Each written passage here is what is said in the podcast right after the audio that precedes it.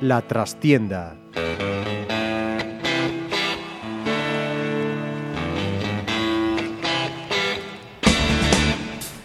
Saludos amigos, os habla Ramiro Espiño en nombre de todo el equipo. Vuelve la trastienda en Pontevedra Viva Radio. Inauguramos nuestra segunda temporada y lo hacemos con un programa en el que los invitados tienen una característica común, vestir o haber vestido en algún momento la camiseta granate.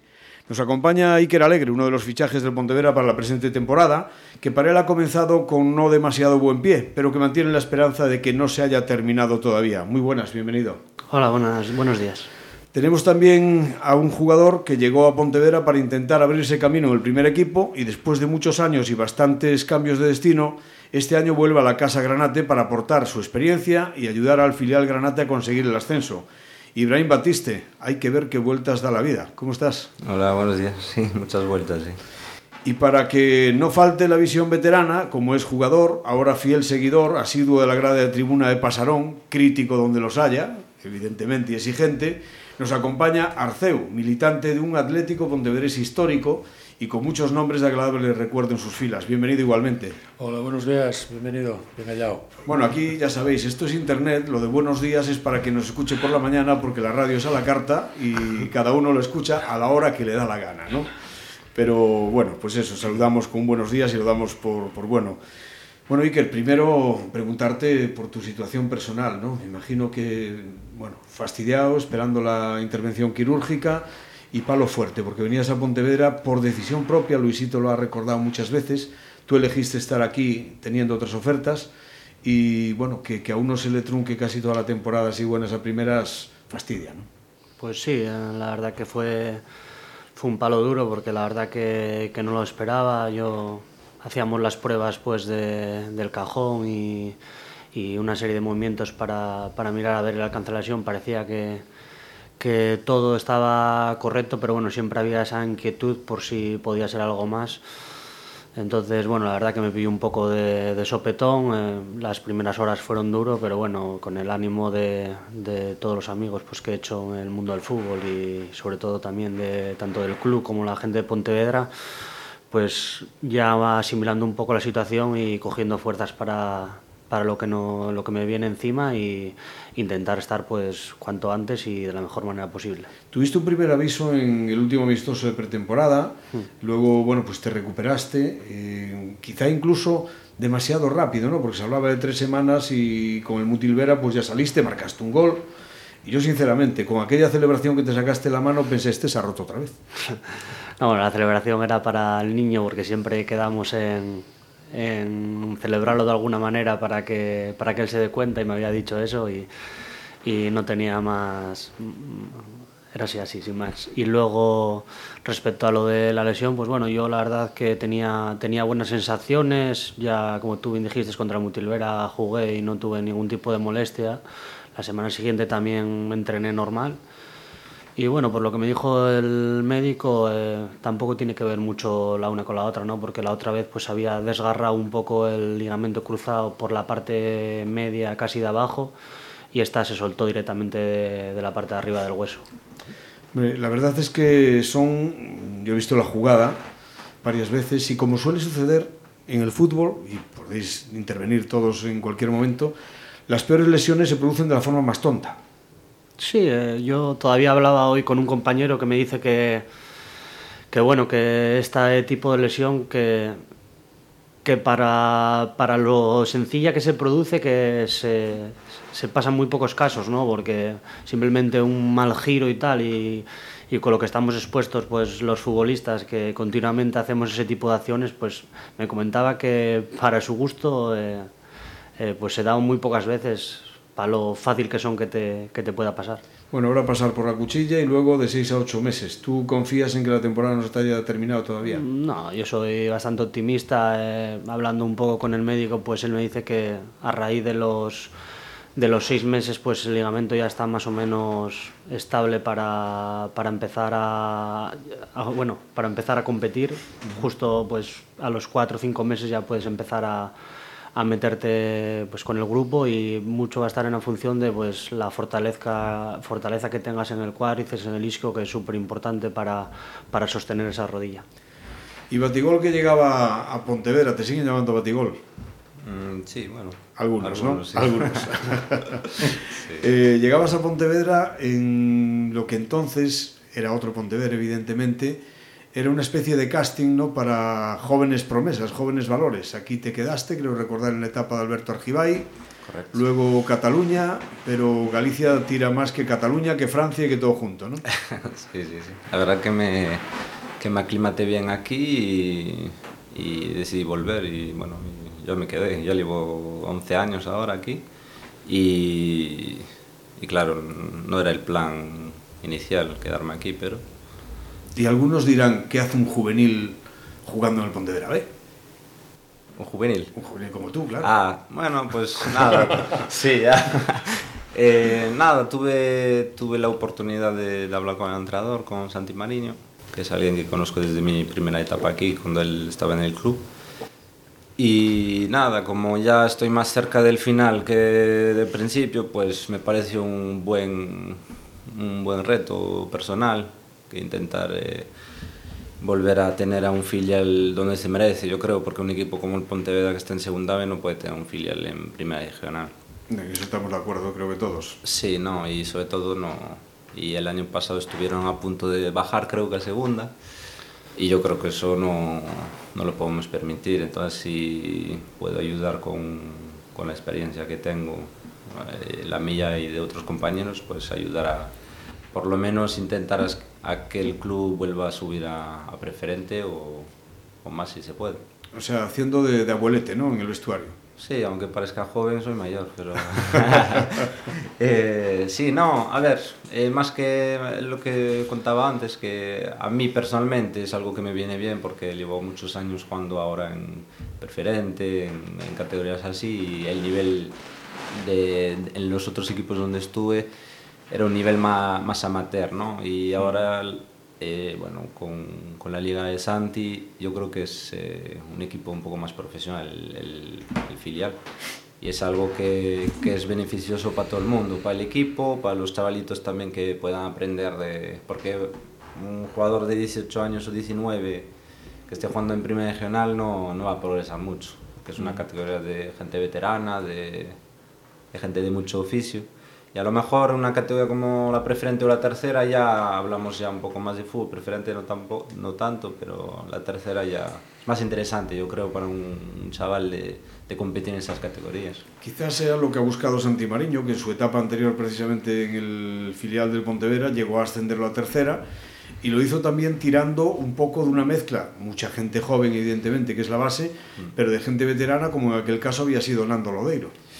Sí, es que lo que pasa que en esas categorías, lo que decía antes, que gente muy veterana, entonces con unos chavalitos de jovencitos que ellos te aportan otra, otros tipos de cosas, que son, no sé, la, la, una, una velocidad que ya nosotros no tenemos, un ritmo de juego que, que no tienen los otros equipos, pero claro, tienes que tener también un poco de, de control, un poco más de, de experiencia. Yo creo que en este aspecto es lo que buscó Santi con tres o cuatro fichajes de gente más mayor. ¿Y Arceu qué diferencias ve desde aquel Atlético Monteverés? A mí de verdad me gusta mucho más el nombre de Atlético Monteverés que el de Pontevedra B. ¿eh? Por, por, todo. Grandes recuerdos de ¿verdad? Atlético Monteverés. ¿Qué diferencia entre aquel momento en el que se jugaba con los balones cuadrados todavía a, a, este trabajo de cantera de ahora? ¿no? La verdad que ha cambiado mucho los balones, ha cambiado la ropa, todo sí, incluso las botas. Yo me acuerdo cuando yo heredé las botas, yo no sé si eran ya de plaza, que jugué con plaza también, y eran de tacos de, de madera clavados con puntas. Eso, eso solo salir al campo ya, ya, parecía que ibas a un circo romano. Y jugar en aquella junquera que cuando subía la marea se inundaba eso y era, se iba ganando balón al agua. Eso era lo máximo. De vez en cuando nos metían en pasarón y eso para nosotros era lo, lo, lo ideal. Eso fue una época, después ya al pasar del Atlético ya fue una carrera, digamos, la mía un poco accidentada, ¿no? Eh, cuando llegué al Pontevedra en un entrenamiento con, con el Atlético, eh, un compañero, eh, en este caso fue Marsillas, quería dejar el fútbol yo dándole ánimos, ¿no? Y tal, y en una jugada venía Milo con el balón, lo fui llevando hacia, hacia la, la banda de donde estaban ante las, la, los vestuarios y se debieron cruzar los cables el hombre y se tiró y me cayó lateralmente en la pierna izquierda y me deshizo la, la rodilla. Un, un accidente. Por eso soy un futbolista un poco frustrado de lo que pude ser. A o sea, por eso ahora es tan crítico desde la grada de tribuna, ¿no? No, no es que ser crítico. Yo veo que hoy en día no se marca como se marcaba antes. Yo veo que hoy en día los, los estos eh, crack, como puede ser eh, Messi, esta gente, lo dejan jugar, un crack de estos si le dejas... Sí, marcajes como el de Gentile a Maradona, por ejemplo, en el Mundial de eso España... Era, eso era un marcaje. Eso era marcaje, sin, sin, dar, sin, dar, patadas, no hace falta dar patadas. No, Gentile ¿no? creo que le dio hasta la madre pero de Maradona. No hace falta dar patadas, es, es, soplarle en la nuca, que te sienta el mal olor, ¿no? Un marcador es eso. Y eso es lo que me recuerdo yo. Y hoy no se marca como se marcaba antes, al contrario. Se deja jugar y, y, y esta gente, lógicamente, si lo dejas jugar a tres metros, te lleva. Yo os aconsejo, uh, Iker y Batiste, que sois más jóvenes, que no nos dejéis a Arceu y a, mí empezar a contar las historias de la abuela Cebollenta, porque si no, o sea, esto no, nos perdemos, ¿no? Eh. Pero, ¿cómo veis, o sea, para, para venir ya un poquito al actual, ¿no? ¿Cómo veis al Pontevedra actual? Sobre todo, dejo un poco al margen a Iker, porque evidentemente está adentro, pero vosotros un poquito de, desde fuera, ¿cómo veis el primer equipo, sus posibilidades, sus opciones, los fichajes que se han hecho? Yo pienso que el equipo está bien formado otra cosa es que, que, que, aguante toda la temporada, no empezar con unas ideas ya que vamos a ser, vamos a ser. No, no, yo creo que hay que ser mucho más modesto que, que, que antiguamente, ¿no? Antiguamente los primeros partidos eran... Bueno, de eso se va a encargar Luisito, que ya lo Precisamente, ayer, ¿eh? precisamente. Y, y, y, lo que digo es eso, que mucha, mucha ilusión y se fue perdiendo, ¿no? Yo prefiero ser comedidos a la hora de, de hacernos globitos, y que al final pues eh, se logre algo de lo que queremos todos y podemos ascender mejor. Y si llegamos al playoff pues mira este año yo, yo vi un fallo enorme. Ahí Luisito quizá metiera un poco un poco la gamba ¿no? cuando hemos llegado al playoff. Y unas declaraciones que hizo yo las vi dije este año no dices la temporada la pasada temporada pasada me refiero sí. Hizo unas declaraciones que a mí no me gustaron nada y como a mí después del partido de Coruche efectivamente. Eh, todo lo contrario debía de ser un poco más comedido hemos llegado hasta aquí, yo, yo diría eso si fuera el entrenador, ¿no? Y vamos a ver qué podemos conseguir, ¿no? Pero bueno. ¿Sabes qué pasa? Que quizá en aquel entonces Luisito era consciente de que el equipo no estaba preparado para convivir con la presión y sobre todo quizá no tenía fondo de armario suficiente como para pudo ser, pudo mantener ser. El, la intensidad. Pudo ser, pero bueno, yo ahí quizá fui un poco crítico con él, desde luego toda la temporada muy bien y que perdió los papeles ahí, pues fue una cosa que, que, que no me pareció, para mí que estaba nervioso o algo, porque no, no lo vi. No, pero quizá, no sé, normal, ¿no? quizá fuese un poco una llamada de atención a todo el mundo para que no se le añadiese una presión eh, al equipo, pero que a lo mejor sí es posible que surtió un efecto relajación. Totalmente. En una parte de la plantilla, al menos decir, sí. objetivo conseguido, ya me dejo ir. Yo ahí haría, ya digo, haría lo siguiente. Hemos llegado hasta aquí, ahora vamos a coger otras ilusiones y poner las cosas un poquito de otra manera, ¿no? Así parece que la gente ya lo cogió un poco, digamos, a remolque, ¿no? Pero bueno, estamos en el hoy. Batiste, tuviste ayer el partido, además muy cerquita donde yo estaba también. ¿Qué te ha parecido? Pues la verdad que a mí me gustaron.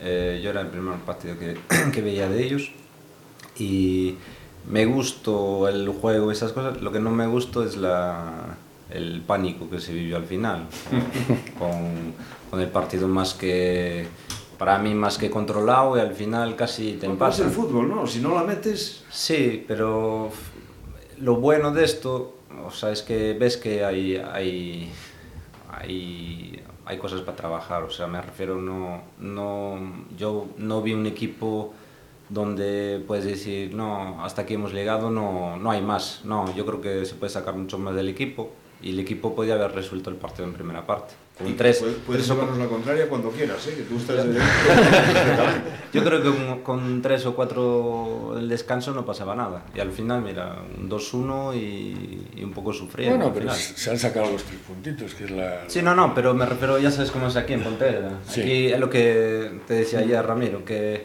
el central dio un pase para atrás al portero y la, la gente empezó a, a silbar. si, viene, si viene Guardiola bueno, aquí, eso ya dura siempre, dos días. Porque ocurrió siempre, es- Bati, eso Sí, sí, sí, ya, ya, ya. es- Que te lo diga Bati Orceu, que yo ayer se lo comentaba. En los Sí. tiempos del Ike Roelo, yo era un niño y demás, pero en cuanto se cedía un balón al portero, Ya se estábamos. La afición de Sí, sí. Pontevedra es magnífica, porque muy en cuanto le das un poquito, Sí. sobre Se todo entrega, entrega, se entrega. sobre Sí, todo sí, sí, entrega, sí, sí. Vamos, No, la pero- tienes incondicional, pero también es exigente. Eso Eso es también. Lo, sí. lo que te decía ayer, que eh, si para mí no. O sea, la, la gente de Pontevedra, eh, lo que te comentaba ayer, que un campo tan grande que haya 2.000 personas, que eh, lo que era un 15%, un 20%, lo que hablábamos, ¿no? De, de capacidad del campo. Yo me acuerdo en mi época que. Era vaca- las vacas gordas, sí, así, ¿no? Vacas que, gordas. Sí, que había casi, debe ser, 8.000, 6.000 y la gente sí que te ayudaba mucho. Es que ahí- yo, yo creo que ahí también hay un, un- un problema y no sé hasta, hasta qué punto, ¿no? Yo creo que falla un poco esta directiva, ¿no? Creo, ¿eh? En el tema de, de- de hacer más socios, de buscarle... No sé, yo, yo creo que sí, ¿eh? Pero yo creo que es complicado, ¿eh? vamos a ver, a veces eh, decimos efectivamente, vemos un campo, 12.000 personas, solo con 2.000, Claro. 2.500 que más o menos Algo calculamos falla ayer, aquí. todos los medios que había, y te parece que está vacío. Pero ojo, Ya, es que bien. cualquiera de los que vamos por ahí por los campos, Está- ¿quién tiene 2.500 nada, personas? tiene, en tiene ese 300 campo? personas, pero yo digo que Pontevedra, con la afición que tiene, porque tiene afición. el, el Lugo está en segunda división, ya Y nos mira- gustaría y mira a lo que hay. y tiene 3.000 con suerte. Correcto. Pero aquí hay que aprovechar un poco más los recursos que a lo mejor tenemos, que no Y los aprovechamos. Fíjate, fíjate además, o sea, por eso volvemos a, a ver el fondo que sí tiene esta afición, las posibilidades que tiene, que fíjate que el playoff de ascenso de tercera a segunda B, Sí, ¿no? 12.000 personas ves, día, llevas un palo de AUPA porque te has quedado fuera en la primera eliminatoria, vas a la de repesca, 8.000 Ot- personas, Eso, eso quiere decir algo, ¿no? y vas a la última y otra vez 12.000 personas. Me estás dando un poco la razón. Aquí hay algo que no se está estimulando un poco a la gente. Yo creo que que hay. Es momentos. difícil, pero no sé. Es que Pontevedra Alguna, es una- algo tenían que hacer, algo se tiene que hacer y no Pontevedra- dejarse ahí, que vengan la gente a coger. el- no sé, yo, yo creo que había que potenciar un poco, no sé. Es complicado. El fútbol televisado la verdad es que ha cambiado muchísimo todo y sobre todo cuando viene en verano, que si tenemos, ahora hemos estado jugando todavía agosto y demás, a unas horas de playa, con un tiempo de playa magnífico, gente de vacaciones, y luego es que juegas a las 5 de la tarde y te ponen el Madrid Sí, o el Barcelona. Lo retraso para las 7 y pico. Ya los que vienen de lejos ya le cae a contra... Pero es que vuelva a haber otro partido. Hay que hablar con Tebas. Está un ¿eh? poco sa- saturado todo el tema, ¿no? Pero mm, yo me inclino en eso. ¿eh? Aquí hay un colectivo, por ejemplo, de exjugadores que no son socios. ¿Por qué? ¿Por qué no se tiene una atención con esa gente? Sí, ese tema lo hemos comentado ya en al- alguna vez en este programa. No viene de este Consejo de Administración. No, no, viene de atrás, antiguo, ya viene de atrás. De siempre. Es decir, de atrás. hay muchos exjugadores como tú que a lo mejor simplemente con que le diesen un carné de agrupación de veteranos del Pontevedra Club de Fútbol, Yo te puedo que no contar significa mi nada, anécdota. pues te puedo contar con mi anécdota. Yo eh, he llevado a exjugadores conmigo. Voy yo al fútbol y arrastro gente. Yo llegué a- a- al club estaba Fernández de presidente y llegué a retirar ahí unos 15 carnes, prácticamente de exjugadores, mi mujer, mi hija, familia, ¿no? Y llegué allí, oye, mira, es que en el carné ponía exjugador. Nosotros de toda la vida tuvimos, pagábamos preferencia y pasábamos a tribuna. Y ponía exjugador el carné. Llegué allí a retirar y me dicen, no, que eso que ya no estaba abolido. Y dije, bueno, pues está abolido y os quedáis. No, habla con el presidente. Dice, no, no, quedó abolido. Bueno, pues ahí te quedas. Cuando quiero ir a Pasarón, me pago mi entrada y voy. Pero eh, hay un, un colectivo de jugadores que se, puede, se pueden hacer socios y ir arrastrando. Y esa gente va a arrastrar más gente. Y lo tienen ahí abandonado. Pero de todas formas, yo de verdad que confío que además este año, pues poco a poco la gente vaya retornando en mayor número a Pasarón. No tengo ninguna duda de que si el equipo se mete arriba, el campo se va a llenar, porque lo hemos visto por, por etapas anteriores, siempre se ha llenado, siempre ha respondido contra el Oviedo, contra el Alcorcón, contra el Ceuta, ha Ramiro, estado pero Pasarón. se necesita también cuando se va mal. Sí, hombre, sí, pero a ver, tenemos que ser conscientes un poquito de lo que hay, evidentemente. Y lo que hay por ahí adelante en la categoría. No, está claro, Es está un claro. lujazo tener Es un lujo, es un 2.500 lujo. 3.000, 4.000 que será la asistencia media Sí, durante toda la temporada. Y si no, Iker, tú que has estado en otros sitios por ahí, nos lo puedes decir también. Que Sí, hombre, yo creo que es un poco lo que pasa en todos los, en todos los sitios. ¿no? Yo, por ejemplo, el año pasado llegué al Logroñés y, y bueno, Logroñés también es un equipo pues, que, Histórico, histórico, que ha estado en las gaunas, que arrastraba mucha gente. Y bueno, pues al principio es lo típico. Nada, yo voy a esperar un par de partidos a ver cómo va y me si hago socio. Pues eso es lo que tenemos que tratar de evitar, empezar de, de ya con, con- con cosas, ¿no? no esperar a ver si vamos bien para eh, ganar socios. Eso viene después, si puedes Sí. acaparar más con, con campañas, no lo sé, colegios, Sí, niños. pero es ¿no? complicado. Es Pero complicado. coño, pero hacer algo habrá que hacer. Tú sabes que eso también es una cuestión histórica. el- el- cuando los partidos amistosos de pretemporada eran serios, Claro que sí. no entrenamientos Claro con que sí. público Yo- como yo me ahora. acuerdo, yo me acuerdo. Eh, en- aquí se esperaba siempre al trofeo Luis Otero. Sí, para... era los últimos días de agosto, se veía al equipo titular, entre comillas, y entonces la gente, pues, en función de lo que pasaba en Luis Otero, sacaba el carné antes o después. Sí, O sea, pues eso era así, ¿no? Eso, eso hay que hacerlos más fieles, ¿no? Hay que hacer, yo creo que el socio tiene que ser más fiel y eso se gana con algo. Pero no sí- solo si va bien el equipo saco el carne. Sí, pero sí que es verdad, y vuelvo un poco a Iker porque conoce más la categoría actual, ¿no? Y cuando vas a Izarra, por ejemplo, que tienes 200, 300 personas Sí. en la grada. Sí, sí, sí. Sí, es un poco... A ver, yo creo que la media por norma general en segunda vez suelen ser bajas. Luego, pues como te digo... Y yo- vuelo 500 personas. Ah, Hombre, hay casos, hay casos, pero- hay casos excepcionales. Yo, por Claro. ejemplo, estuve en el Oviedo y eso Sí, es, otra hecho. cosa. Eso es vaya tercera, vaya segunda B, vaya Sí, ahí, 20.000, están 20.000 ahí. personas. Son, yo por ejemplo he tenido con el Oviedo jugar partidos de liga con 21.000 personas o algo así en segunda B Sí, y eso sí, es prácticamente Pues imposible. eso es lo que en- tendríamos que hacer aquí en el Pontevedra, ver el dónde podemos mm, llegar a ser como esa afición que tiene que tiene el Oviedo. Nosotros en afición no tenemos quejas. Yo sé que la gente va, responde. Claro, había que hacer para que sea antes de los dos primeros si van bien, si ganan, que sea ya de, de- de- Sí que hay un potencial tremendo, es evidente, porque cualquiera que haya jugado en el Pontevedra sabe Es un que no es solo los que van a Pasarón, sino que luego por la calle te paran, te preguntan. Es un placer, Ramiro. Jugar en el Pontevedra es... Bueno, yo lo viví desde niño. Yo me marqué unas metas y hasta que llegué arriba. Y, y- y llegar a jugar en el Pontevedra, una, que es un trampolín ya para otras categorías bestial. Cualquier jugador que venga al Pontevedra lo van a ver de otra manera. Bueno, hay quien no puede con la presión, ¿eh? Bueno, eso es cuestión También de hemos coco. visto jugadores aquí Es cuestión de coco. que, que eso, Eso es cuestión de coco. luego le- les temblaban las piernas cuando Bueno, salían a Pasarón. una vez que sales allí ya, allí ya no te tiemblan. Que tiemblen los contrarios en este caso, ¿no? Bueno, volvemos un poquito a lo, a lo que hablábamos, ¿no? Sobre el equipo. Tú, Iker, desde dentro, yo particularmente veo un equipo con muchas posibles alternativas, que quizás sea la fortaleza de este Pontevedra. Es decir, que pueden salir tres o cuatro jugadores diferentes, que el equipo va a mantener el- un nivel de juego similar.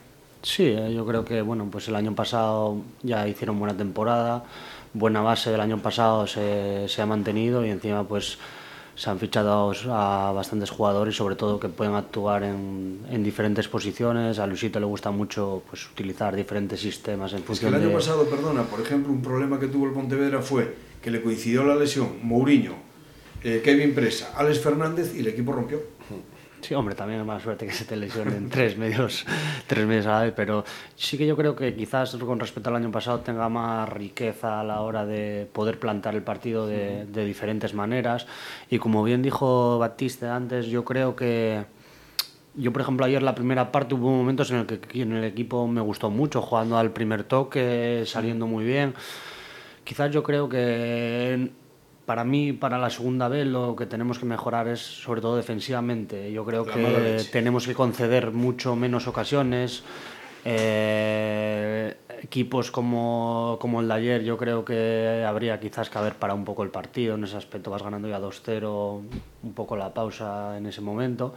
Pero bueno, yo creo que son cosas que son muy mejorables y muy entrenables, que no es como decía él que, pues mira, este ha jugado de esta manera y no va a poder mejorar. Tú ves que el equipo tiene mimbres para, para jugar y hacer mejor las cosas y bueno, yo creo que eso es un, muy, un punto muy a favor nuestro y esperemos que poco a poco pues cada vez vaya mejorando todo. Es más. que es curioso porque, hablaba yo de la mala leche, eh, ayer sí que hubo un momento en el que con 2-0 se consiente una jugada que nunca debe de llegar, balón a la espalda de la defensa, muy fácil, muy cómoda además, sin que nadie presione al pasador. Y ahí faltó ese oficio que además yo creo que se buscó con muchos de los fichajes de este año, ¿no? de traer experiencia, de traer un poquito de veteranía, que luego, sin embargo, sí se vio en los últimos minutos para dormir el partido, para tener el balón, Eso es lo la que famosa jugada del lobito, ¿no? De, sí. de- de la Eso es lo que hay que hacer cuando, cuando estás 2-0 ya. Aflojar un poquito, dominar ahí y sin problemas. Que vengan los contrarios. ¿no? Yo pienso que es lo. Pero sobre todo 2-0 con un equipo que no hizo nada. eh. O Hasta entonces no había hecho todo- nada. todo lo- las jugadas que tuvieron fueron al final, yo creo. Lo, Es que si cuatro le das, tiros que si le tuvieron das- al bueno, final. también pero era si uno no- menos, ¿no?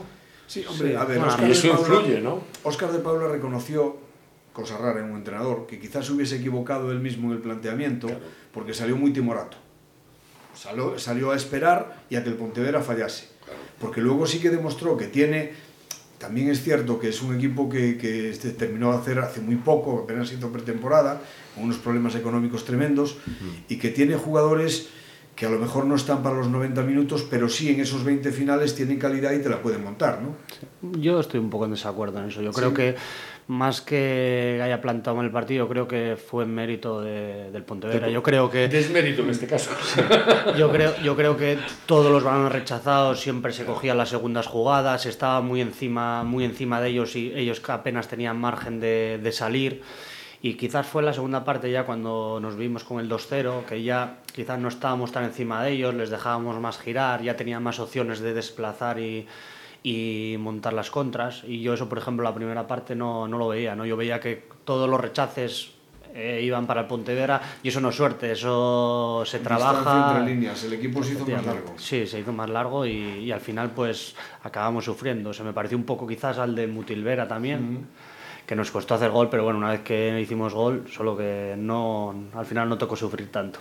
Sí, no, el Mutilvera pues cayó un poco de maduro, ¿no?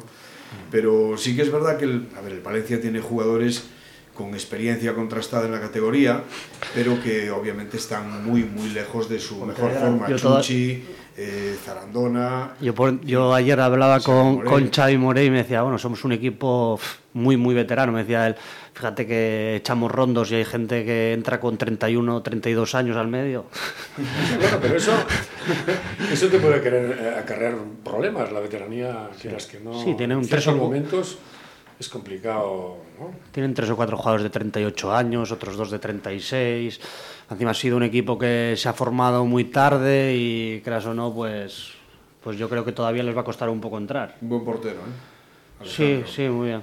Yo lo conozco porque... También tenemos buenos porteros. Ah, no, no, si no hay queja. Ahí yo creo que Toda la vida fue- Pontevedra la portería. Edu es para mí uno de los mejores porteros de la Siempre categoría, estuvo. sin duda. Sin duda. Y, y Canedo, las veces que ha entrado, Mm. desde luego ha estado magnífico, ¿no? Lo que decías, Iker. Iker, eh, la defensa tiene que ser un poco más contundente. Bueno, yo no me refiero a la defensa, ya me refiero al equipo en general. defensa. Yo En por ej- defensa. Sí, yo por ejemplo el año Defender pas- más, Sí, en yo este por ejemplo el año pasado estaba en el Logroñés y fuimos el mejor equipo visitante. Y me acuerdo que vinimos a- aquí a Pontevedra, bueno, y a la mayoría de los campos y decía, pero ¿cómo podéis ir arriba si no jugáis a nada?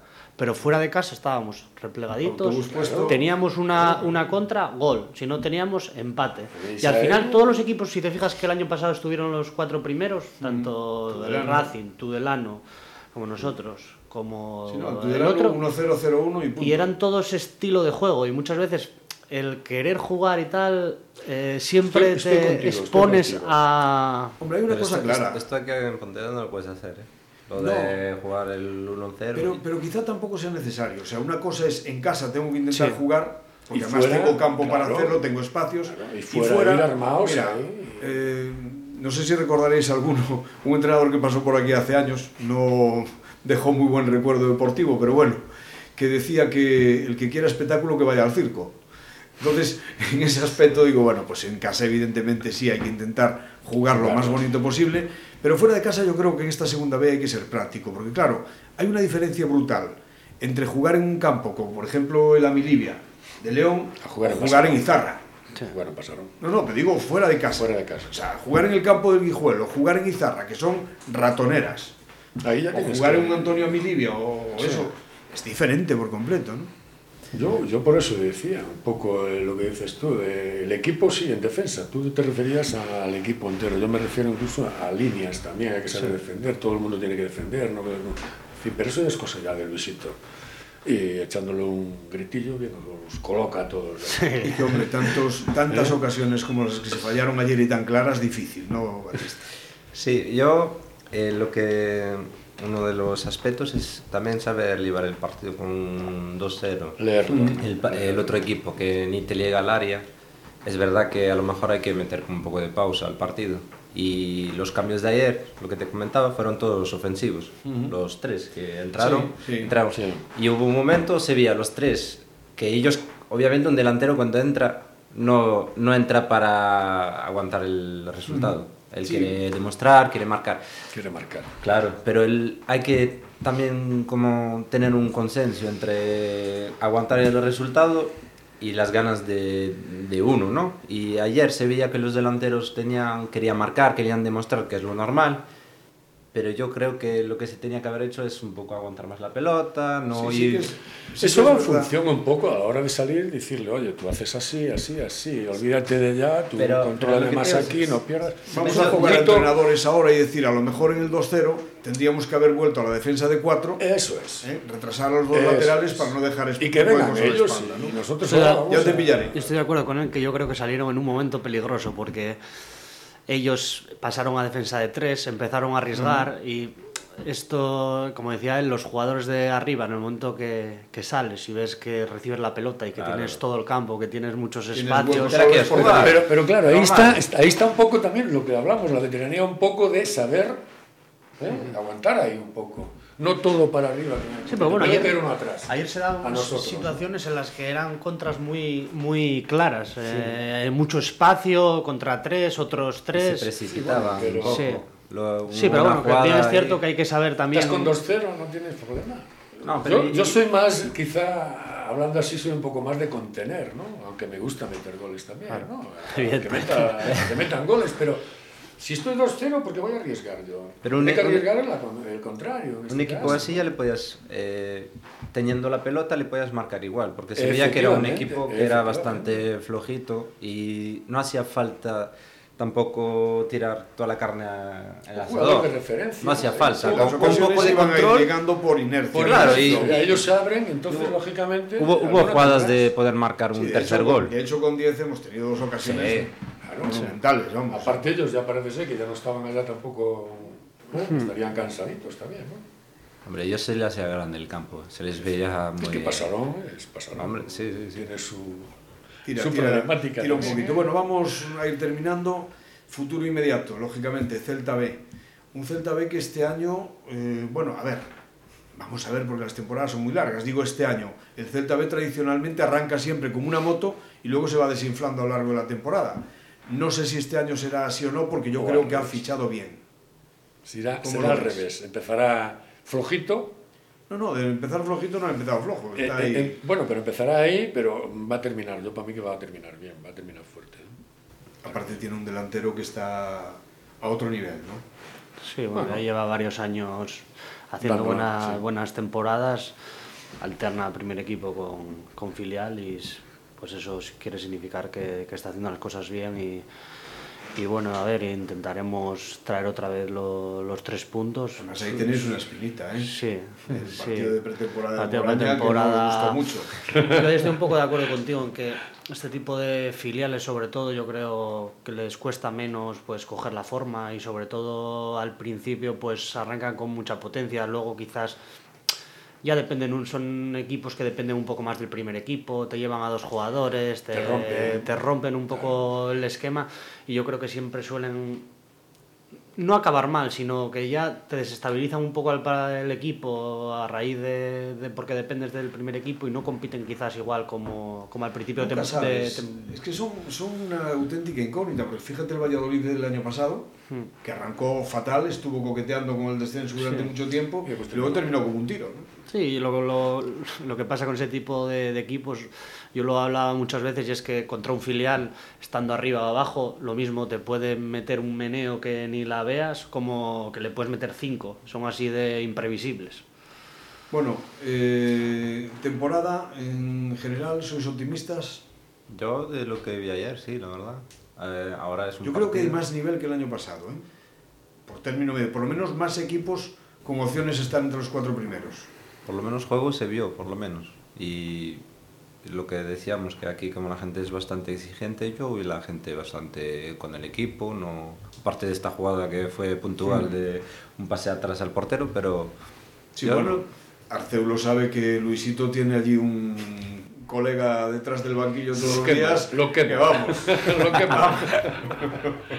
Le Le hace, un, sirve mar- le hace demasiado. un- le hace un marcaje del que, de los Sí. que decía Arceulo, de esos de en la, en la nuca, ¿no? Sí, sí, sí. Aliento en la nuca. Y sigo diciendo lo mismo. Marcaje a la nuca. Digo que el delantero al centro sí da. ¿no? al entrenador también, ¿no? Al entrenador también. Se habla Por si se le olvida algo. En el, en el vestuario se habla de algo más que no sea 45 puntos y luego ya veremos. No, Luisito en ese aspecto. No habla de, No, habla de puntos. No quiere que. Él quiere, ya lo dijo, mejorar lo del año pasado. Y, Y si se puede, luego la clasificación dirá. Yo creo que si consigues, pues la- cuanto antes consigas la salvación, mejor. Y luego a raíz de ahí, pues mirar arriba. Si puedes quedar primero, pues eh, quedar. Si puedes la quedar filosofía cholista, ¿no? Partido a partido. Efectivamente. Sí, eh, Es lo mejor, es ir poquito a poco. No, no, hacerse una paja mental ahí de que vas a hacer. No, no, partido a partido, yo lo veo. Sí, bien. pero cuando juegas la final de la Champions, que peleas por el título, un Bueno, momento pero, ya pero hay que llegó- dejar de ser tan humilde, pero ¿no? Ya llegó al final. Ya, ya, ya. Con la final, mira, oye, la pinchó, vale, pero por lo menos llegó. Sí, sí, sí, pero bueno. Y lo que yo digo es eso, puntito a puntito. Luisito en ese caso sí lo hace bien. Bueno chicos, pues un placer estar con vosotros. Iker, antes de nada, pues por supuesto una prontísima y rápida recuperación y que te veamos de nuevo vestido de corto cuanto antes. esperemos. Muchas gracias. Muchísimas gracias. Arceu, te seguimos viendo allí en tribuna. A ver, eso espero. Un día te pondré una grabadora sin que lo notes. Luego reproducimos a ver, lo, a ver lo que sale por esa boca, para ver después si es exigente el público de Pasarón o no. Es exigente, muy exigente. Y Batista por el ascenso, evidentemente. Sí, a ver. Pues nada, eh, os dejamos ya con nuestra habitual despedida musical aquí en la trastienda y que como queremos empezar temporada con fuerza, lo hacemos con el más puro rock y este tema de Brian Setzer y sus Stray Cats, Rock This Town. Como cada semana, que lo disfrutéis, será hasta la próxima, que intentaremos que haya más y si podemos también mejor. Muchas gracias, os esperamos.